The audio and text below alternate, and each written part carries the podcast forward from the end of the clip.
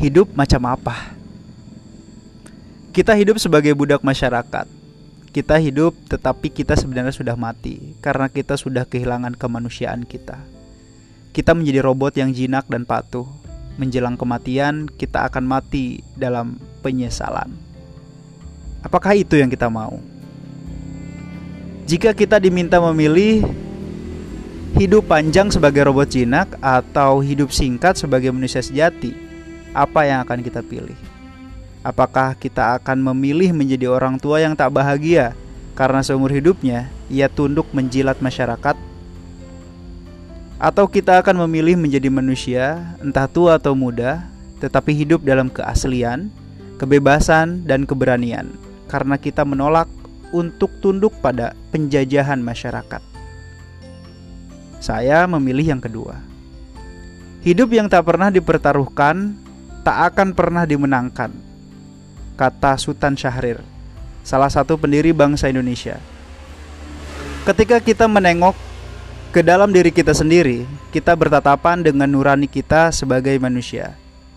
Pada saat itu, kita berjarak dari masyarakat dan mulai berani mempertanyakan aturan-aturan yang ada. Inilah saat di mana kita mempertaruhkan hidup kita. Apakah kita akan menjadi budak masyarakat?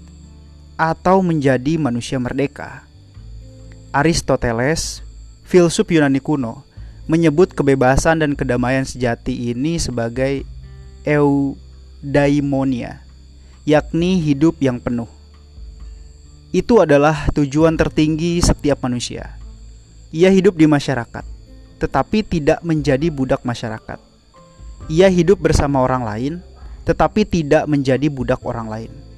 Sokrates, filsuf Yunani kuno dipaksa meminum racun oleh pengadilan Athena Yunani. Tuduhannya, ia telah meracuni pikiran anak-anak muda dengan ide-ide sesat. Ia bisa saja kabur guna menyelamatkan hidupnya. Namun, ia memilih untuk tetap tinggal dan menghadapi ketidakadilan yang menatap matanya. Sokrates konon berkata begini: "Seorang manusia sejati tidak perlu takut dengan kematian. Ketika kita mati, kita menjadi roh yang murni. Kita tidak lagi terikat oleh kebutuhan tubuh dan tidak lagi harus tunduk pada masyarakat. Ketika menjadi roh murni, kita lalu sungguh merdeka. Dengan hidupnya, Sokrates menerjang batas-batas masyarakat. Hidupnya singkat, namun bermakna dan utuh.